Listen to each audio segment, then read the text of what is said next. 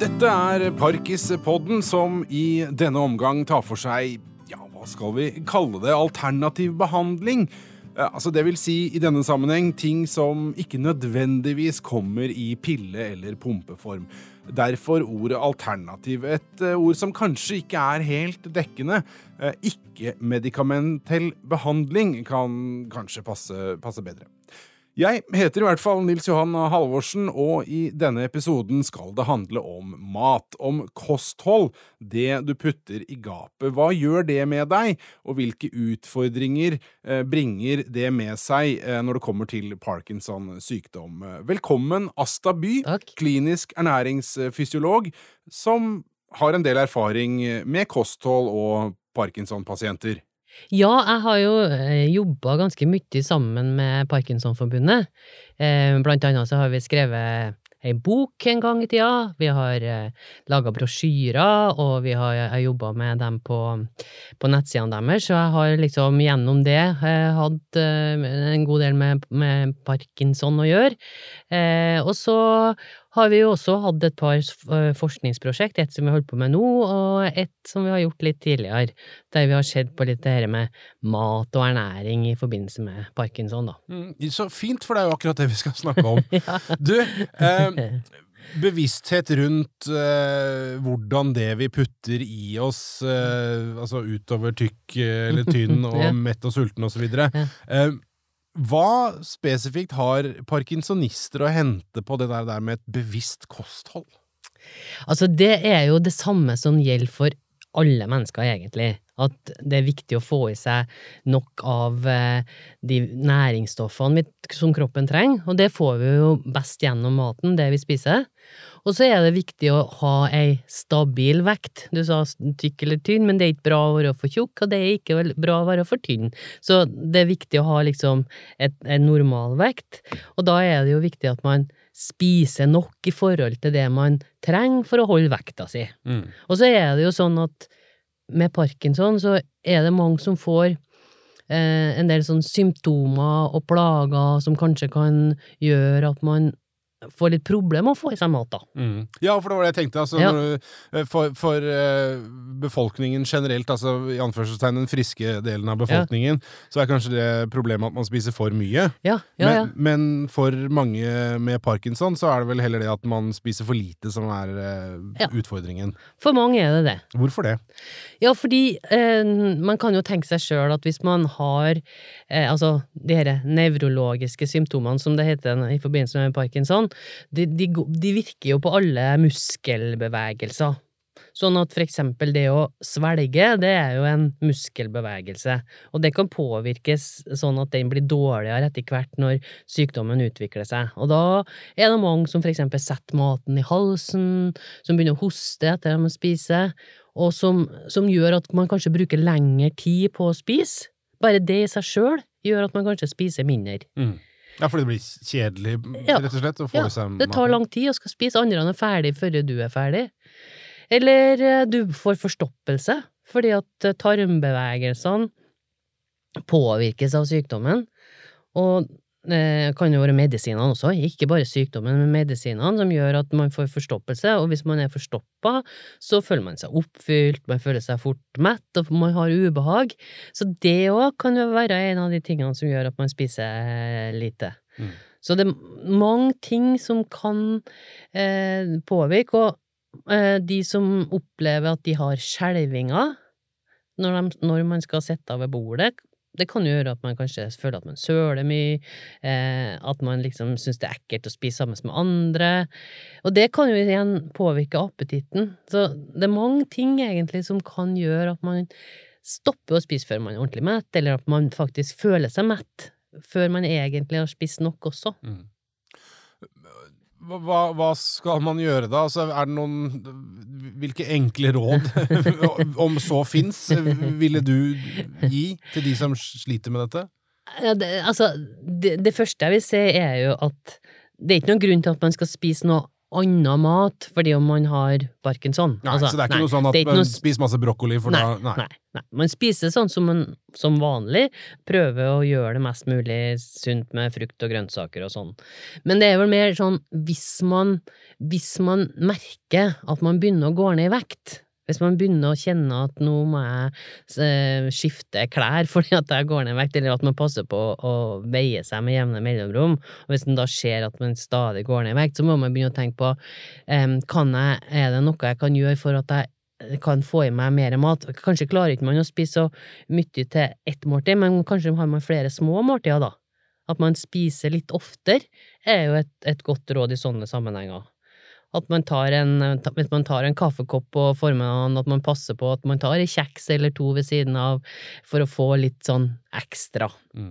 Men, men eh, mitt sånn uh, legmannshode Ja, vil ja. umiddelbart tenke at eh, ja, men hvis jeg syns det er vanskelig å spise, uh, og, og mengde er et problem, det jeg da vil gjøre, er når jeg først spiser, så vil Mm. jeg ha i meg veldig kaloririk mat. Mhm. Det er jo et godt råd. Å, det er det! Ja, det, er- det er et veldig godt råd. Det, da har du tenkt veldig klokt når du sier det. For jeg tenker at da må, kan man også passe på at den, det man spiser, det inneholder mye kalorier. Så det ene er å spise oftere, eh, og så, hvis man spiser lite, så kan man også da prøve å eh, putte oppi litt ekstra det man spiser. Og, og, og det er jo sånn at når vi snakker om sunn mat, altså vanlig sunn mat, da snakker vi om at vi skal være forsiktige med fett, for eksempel, at vi ikke skal bruke så mye fett. Um, og det er mange som da kutter ut å ha smør på brødskiva, eller man velger lettprodukter. Altså hvis man går ned i vekt, så er det ingen grunn til å, å velge lettprodukter. Da kan man godt bruke det litt feite, feitere matvarer, fordi at det er lettest å få mest energi fra små mengder hvis maten er litt feitere enn vanlig, rett og slett. Mm. Altså at man smører litt ekstra smør på brødskiva si, at man ikke bruker lettmargarin, men bruker vanlig margarin. Kanskje ha litt majones oppå, oppå tomat, eller hva det er nå du spiser. Altså alt det her som vi Som vi andre egentlig Ja, bør passe oss for. Ja, nettopp. Ja, for en Ja. luksus, tenker Ja, jeg. Det, ja, ja. Ja, det er jo egentlig det. Ja. For det er liksom eh, det å gjøre eh, Det var noen som jeg leste en eller annen gang som sa det at det, var noen som har vært hos legen sin og fått eh, beskjed om at eh, de måtte prøve å legge på seg, og så spurte eh, hva, hva skal jeg gjøre for at jeg skal legge på meg, og da hadde legen sagt ja, gå og les ukeblad. Og så ser du, gjør du akkurat det motsatte Nei. som de sier i forhold til å slanke seg. ja, ikke sant? Og det er jo egentlig det det er. Ja. Mm. Så, så når det kommer til dette med kosthold, så, så er det egentlig veldig få eh, utfordringer som er eh, veldig Parkinson-spesifikke. Ja. Men det er veldig mange med parkinson som er opptatt av det med kosten, for det har vært en, eh, en fokus på at eh, de som har dårlig effekt av medisinene sine, at hvis de spiser på en spesiell måte, så kan de ha, få hjelpe seg sjøl til å få litt bedre effekt av medisin. Ok, ja, det må vi høre litt mer Ja. om. Og det er det som heter for proteinomfordelt kost, heter det da på det liksom sånn fagspråket. Og det vil si at man prøver å unngå eh, proteinrik mat på dagtid, og så spiser man den, det proteinene man trenger, på kvelden. Men jeg, må, jeg må vil gjerne understreke med en gang at dette gjelder de som har dårlig effekt av medisinene. For de fleste har jo ofte god effekt av medisinene, men det er noen som da har litt dårlig eh, effekt, og har litt sånn eh, Ja, får litt sånn Parkinson-symptomer i løpet av dagen. Og det, det her handler om at eh, det her mm, medisinen som man får, eh, den skal jo tas opp og bringes opp til hjernen. Og så konkurrerer denne medisinen med, om opptaket nedi tarmen med det her som heter proteiner i maten. Sånn at det kan bli liksom en dårlig konsentrasjon av, av den medisinen i hjernen. Mm.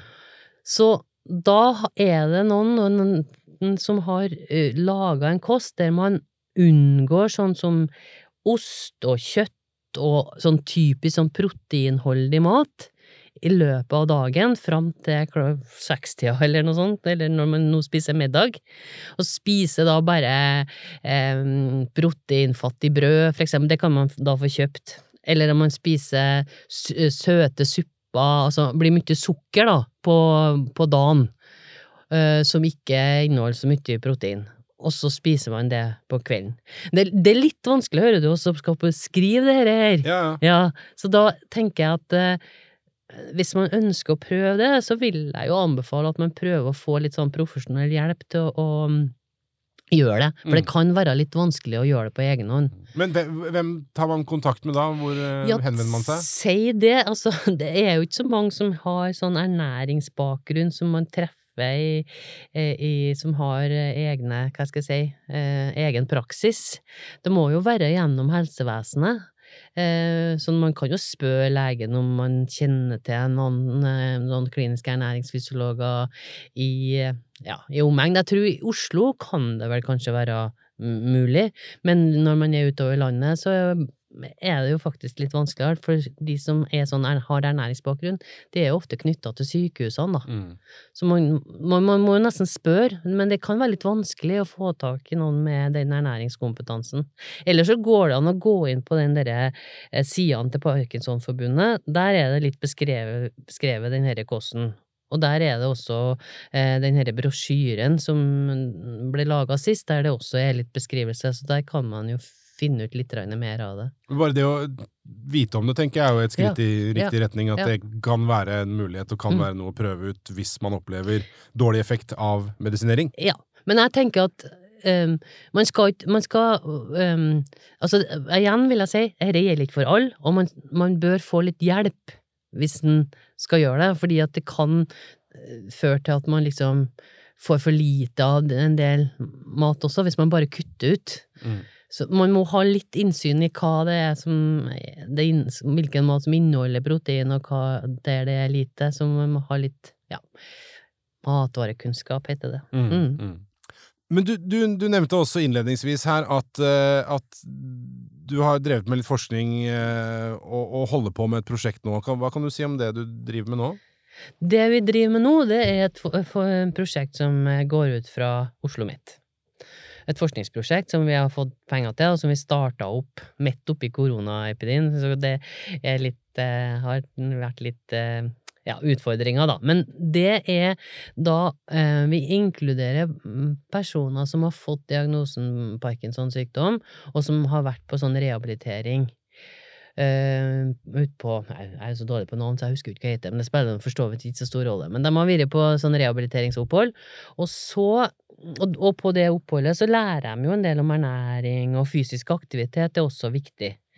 Så vi inkluderer dem, og så har vi en um, Vi deler eh, pasientene i to grupper. Ei gruppe som får oppfølging mens, eller etter det her eh, rehabiliteringsoppholdet, ved at vi ringer dem med jevne mellomrom, følger opp eh, det her med fysisk aktivitet, gir dem spesifikke kostråd hvis det er noen ernæringsproblemer. Det er jo sjelden at man får sånn direkte, sånn at de her gruppa som heter intervensjonsgruppa, da, på fint, det er dem som får her tiltakene, de eh, blir kanskje hjelpa litt mer enn de andre pasientene som der man ikke gjør noe mer etter at de har vært inn på rehabilitering, men altså, de må klare seg sjøl når de kommer hjem derifra. Sånn som vanlig er. Det er det som er vanlig. Ja. Og så ønsker vi å se om eh, går det bedre da med de som har fått denne oppfølginga, i forhold til dem som ikke har fått det. Så det handler egentlig veldig mye om de her praktiske rådene, litt av det som vi har snakka om nå. Så har du dårlig appetitt, hva kan du gjøre, og hva kan du, hva kan du fylle på med for at det skal bli eh, litt mer kalorier i maten du spiser? Eh, hvis du har problemer med å trene, for det er veldig bra for folk med parkinson å trene også. Eh, har du problemer med det opplegget du har fått, kan vi tilpasse det litt bedre? Trenger du oppmuntring til å kunne fortsette? Altså den her opp, jevne oppfølginga. Men vi prøver å gjøre det ikke så veldig intensivt, men vi gjør det telefonisk som en sånn oppfølging. Og så i tillegg så har de fått en, en sånn klokke som skal logge liksom aktivitet og sånn, da. Og det skal være med på å motivere eh, til å drive fysisk aktivitet, blant annet. Mm, mm. Men du, hvis vi, hvis vi på en måte nå eh, legger Parkinson-sykdommen litt sånn Mm. på sida og bare inkluderer alle i det vi måtte fortsette med her nå, Ja. Så tenker jeg eh, I de seinere åra så har det jo vært mengder, ikke sant, med bøker, selvhjelpslitteratur i alle former og fasonger. Spis deg frisk, spis deg glad. eh, alle de tinga her. Mm. Eh, og det her tenker jeg Det er jo Det ligger jo noe i det. Gjør det ikke det? Man, Eh. man kan oppnå ganske mye, kan man ikke det, ved å spise riktig? Man kan oppnå mm, eh, mye med å spise riktig i forhold til å forebygge de her vanlige eh, livsstilssykdommene våre. Hjerte-karsykdommer, kreft. Det vet vi har eh, en sterk tilknytning til hva du spiser. Men når det gjelder parkinson, der vet man ikke hvor mye kostholdet har å si for utvikling av det. Og når det gjelder om du kan spise deg glad, så stiller jeg meg ganske tvilende. Altså, man kan jo bli ganske glad av å spise en is og, og, og, og drikke litt mye vin, eller hva det er også. Så, ja. sånn at om det, det Om hvor stor grad du kan spise deg glad Noen ganger tror jeg jo kanskje at man kan spise seg i dårlig humør også, fordi at man er så redd for at man skal spise noe galt, at man ikke tør å røre ting, fordi at man er redd for Ja, kan, blir jeg syk nå hvis jeg ikke Så man blir liksom helt uh, innenfor uh, Fanga i noen rammer på hva man skal spise, og sånn skal det jo heller ikke være. Man skal jo ha litt sånn frihet, så jeg tenker jo at um, det som er anbefalt uh, fra Helsedirektoratet for sunn kost, det vet vi noe om. Og så finnes det selvfølgelig i ukeblad og sånn masse forslag til hvordan du skal spise av ulike grunner, som kanskje ikke har noe eh, dokumentasjon bak seg. Nei. Så eh, for folk flest, men også for eh, dem med parkinson, så, så gjelder de vanlige, og som vi sa tidligere her også, Ja. det gjelder de vanlige kostholdsrådene.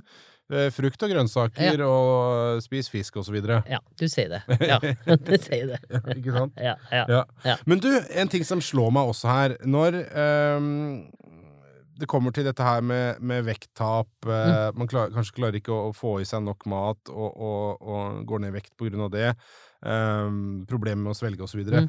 Her- vil jo anta også at uh, pårørende kan holde et lite ekstra våkent øye med situasjonen. Det er jo veldig viktig, for det er jo ikke sikkert alle sammen merker det sjøl. Og for eksempel, jeg sa at vi hadde to prosjekt. Vi hadde et sånt prosjekt der vi sendte ut en, et spørreskjema til folk som var organisert i Parkinsonforbundet. Og så hadde vi et, et skjema der de skulle krysse av i forhold til sånne svelgeproblem. Og da viste det seg at det var ganske mange som em, sa på et annet plass i det skjemaet at de ikke hadde svelgeproblem, men hvis vi så på hvordan de svarte på det her skjemaet som skulle fange opp om de hadde svelgeproblem, så var det ca. 30% som hadde begynnende svelgeproblem. Mm. Og det er ikke sikkert man merker sjøl, men som jeg nevnte i stad, eksempel hvis man hoster mye i forbindelse med måltidene, så kan det være et tegn på det. Og, og det er viktig å være oppmerksom på og følge med. Sånn at der, er jo, der kan jo på, pårørende være viktig, at man ikke tenker på det sjøl. Og på andre ting også, at man går ned i vekt, for eksempel. At pårørende ser det fortere enn enn eh, den enkelte gjør sjøl, og, og følger med på det. Og så er det jo de her samme ja, så kan man jo sette i gang mm, de type tiltakene som vi snakka om nå i stad. Um, pårørende også. Spis sunt som vanlige folk. Det får, Ja, eh, får ja, være oppfordringen. Og, og hold et øye med kostholdet. For, eh, for det er jo viktig for Ja. eh, både sunne og friske og syke å få i seg riktig ernæring. Ja, og få i seg eh, nok og riktig ernæring. Og det som du sa, frukt og grønnsaker og eh, mm, hva skal jeg si, eh, brød og sånn. Det som er viktig med det, bare for å si det også, det er jo at det er jo disse vegetabilske matvarene, at mye av våre eh, vitaminer er å finne.